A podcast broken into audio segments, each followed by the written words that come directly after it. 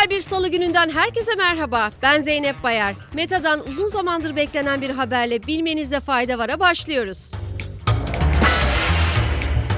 Instagram ve Facebook'un çatı kuruluşu Meta, Twitter'a rakip olacak yeni sosyal medya platformu Threads'i 6 Temmuz'da kullanıma sunacağını açıkladı.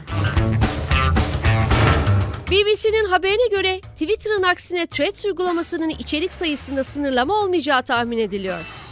Instagram ile entegre çalışacak Threads ile yüz milyonlarca hesaba ulaşmaya hedefleyen Meta CEO'su Mark Zuckerberg, Elon Musk'ın Twitter'ı satın almasından sonra verdiği çeşitli kararlar nedeniyle Twitter'ı kullanmayı bırakanları yeni uygulamayı çekmeye hedefliyor.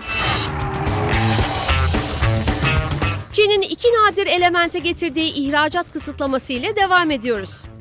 Çin Ticaret Bakanlığı galyum ve germanyum ihracatına kısıtlama getirildiğini ve alınan önlemlerin Çin'in ulusal güvenliğine hizmet edeceğini duyurdu. Öte yandan Çin'in aldığı bu kararın donanım üreticilerinin maliyetlerini arttırması ve bilgi işlem teknolojisi geliştirme yarışında yaşanan jeopolitik gerilimleri kötüleştirmesi bekleniyor. Kısıtlama getirilen metallerin nerelerde kullanıldığını soracak olursanız, galyum ve germanyuma güneş panelleri, lazerler ve bilgisayar çipleri gibi birçok ürünün üretiminde ihtiyaç duyuluyor.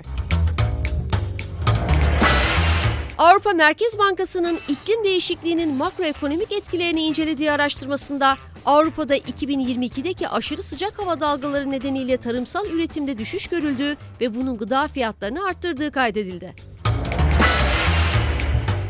121 farklı ülkede son 30 yılda iklim ve enflasyonda görülen değişimlerin incelendiği araştırmada Avrupa'da geçen yıl yaşanan aşırı sıcak hava dalgalarının gıda enflasyonunda 0,7 puanlık bir artışa neden olduğu belirtildi. Diğer taraftan iklim değişikliğine karşı adaptasyon uygulamasının yetersiz olması durumunda gıda enflasyonunda 2035'e kadar %0,92 ila 3,23 arasında bir artışın olabileceği açıklandı.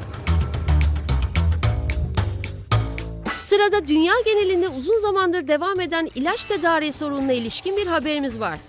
Hollanda Eczacılar Birliği'nden yapılan yazılı açıklamada 2023'ün ilk 6 ayında farklı ilaç türlerinde 1179 kez tedarik sıkıntısı yaşanması sebebiyle yıl sonunda bu rakamın bugüne kadarki en yüksek seviyeyi gördüğü belirtildi. İlaç sıkıntısının üretim, dağıtım ve kalite kaynaklı olduğu aktarılan açıklamada muadil ilaçlara yönelmenin hastalar için zor olması sebebiyle bu durumun ciddi bir etki bırakacağı vurgulandı. ABD vatandaşlarının yaşadığı pasaport sorunu ile noktalıyoruz.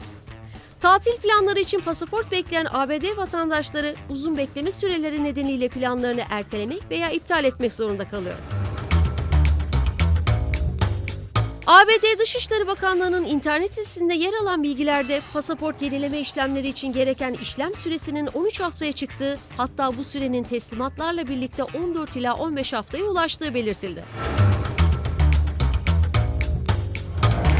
Bugünlük bu kadar. Yarın tekrar görüşmek üzere. Hoşçakalın.